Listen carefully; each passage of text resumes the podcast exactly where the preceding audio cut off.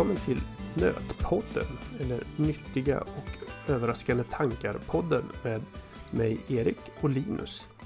I det här avsnittet får ni lyssna på en liten uppföljning från föregående podd som handlar om 40-årskriser. Missa inte det avsnittet om ni inte har hört det.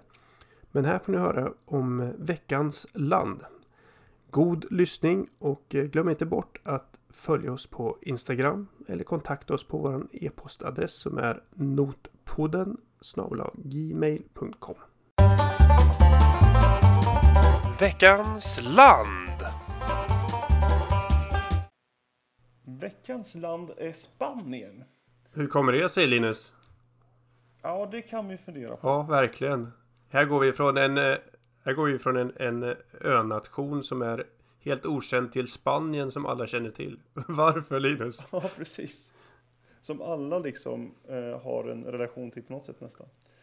Eh, men vi tänker ju att, att Spanien kanske är sånt där varmt och gött land som många flyttar till på ålderns höst. Eh, kanske inte i samband med 40-årskrisen men, men eh, i samband med andra eh, årskriser. Så. Eh, för bevisligen så är det ju ändå ett gäng som har gjort det. Jag kollade upp här och, och då visste jag att det bor alltså 90 000 svenskar i Spanien. Helt otroligt. och, det, och hur mycket är det kanske någon undrar? Ja men det är ungefär som om vi skulle liksom eh, flytta hela Jönköping ner till Spanien. Och det roliga i det här är att jag tänker att typ alla de människorna bor ju typ på samma ställe i Spanien också, liksom i sitt eget lilla kollektiv. Så typ lilla mini-Jönköping ja. någonstans där. jo, precis. Alltså man räknar med att, att de allra flesta bor ju då, eller inte de allra flesta, men den stora koncentrationen är ju kring Malaga. Ja, just det. Eh, och där tror jag att det bor ungefär 35 000 svenskar. En, en fråga här bara. När de, hade, när de spelade in den här eh, eh, Sällskapsresan. Är det till Spanien de åker till i Sällskapsresan? Uh, ja, skulle jag säga utan att veta riktigt. Jag tänker det är, lite, det är också så här lite klingar an liksom på något sätt att eh, det satt, satte liksom normen någonstans. Ja men det är här det händer. Sällskapsresan har gjort det. Det var liksom en grej på 80-talet och sen har det liksom bara fortsatt. Det är dit man ska åka liksom. Ja, du menar så. Ja, precis. Att, att det var liksom att, att man tänker nu gör vi en sällskapsresa. Precis. Ja. Jag kan ju berätta en liten sån anekdot. När jag och ja. min fru var på våran första charterresa. Jag gillar ju inte att åka charter. Men vi var ju på våran Nej. charterresa och åkte till Cypern.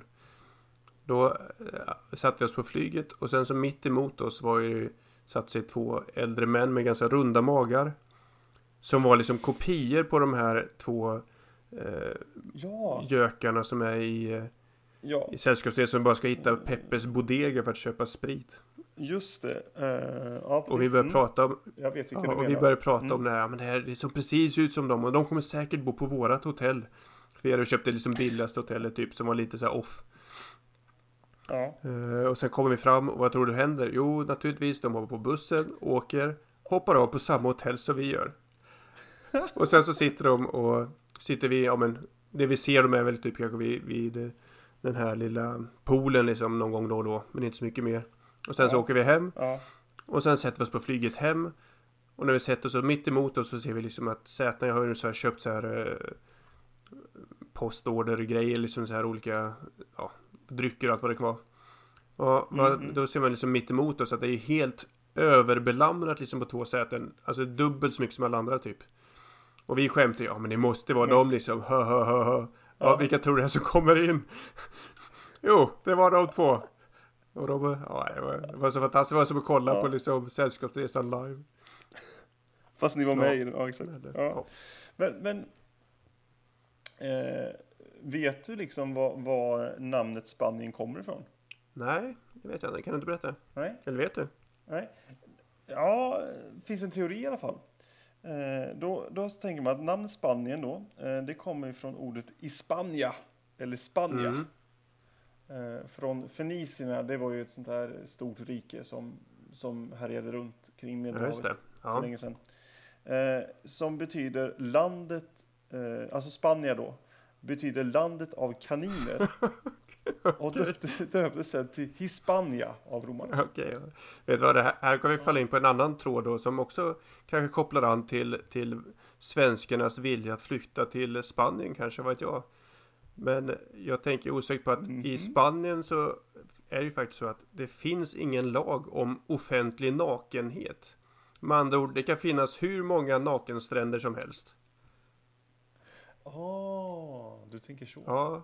Landet av kaniner mm. kan jag hänga upp med det också. Jag vet inte vad de refererar till när det gäller kaniner, men... Du menar att eh, spanjorer är väldigt bra på att föröka sig man jag, vet inte, det får... Var det? Fenicierna får väl eh, komma ja. till grunden med det. De, de, ja, precis. De kanske hade säkra källor på det. Men det är också, det är ju, Spanien är fascinerande på så sätt att det är ett land med mycket historia och det kan jag tänka mig gör att många svenskar mm. vill åka dit. Eh, du har ju många mm. konstnärer som är därifrån. Men sen har du ju också mm. världens äldsta restaurang. Bouton eller Boutin oh. eller sånt. Jag vet inte vad man säger det på, på spanska. Hur kan man säga med franskt? Nej. Nej, ja, nej, det Men det, det, är ju världens ja. äldsta restaurang som fortfarande är igång och den startade alltså eh, 1725 i Madrid. Det är imponerande. 1725, det är nästan 300 år mm, det, Där kan man snacka historia. Eh, det måste ju vara eh, ett väldigt eh, gott betyg också till restaurangen. Ja, undrar om den har några Michelin-stjärnor och sånt. Det borde vi ha kollat upp innan. Det har varit väldigt spännande att veta. Det vore ju jättekonstigt om det var så här någon sån här värsta haket som är så här kvarterskrog som har typ 300 ja, vi, har, vi har en korvmoj på hörnet som säljer liksom Ja, vi har dagens specialare här med korvmos och eh, lite extra ketchup vid sidan ja. om. Skulle vi vilja ha en sån kanske? Ja, 50-50 fördel mos ja. Men du förresten på tal om korv med mos bara nu när jag kommer att tänka på det. Hade inte du någon, så här, någon specialare som man kunde säga Sibylla-kioskerna och sen så fick man en sån, eller då från eh, någonstans ifrån?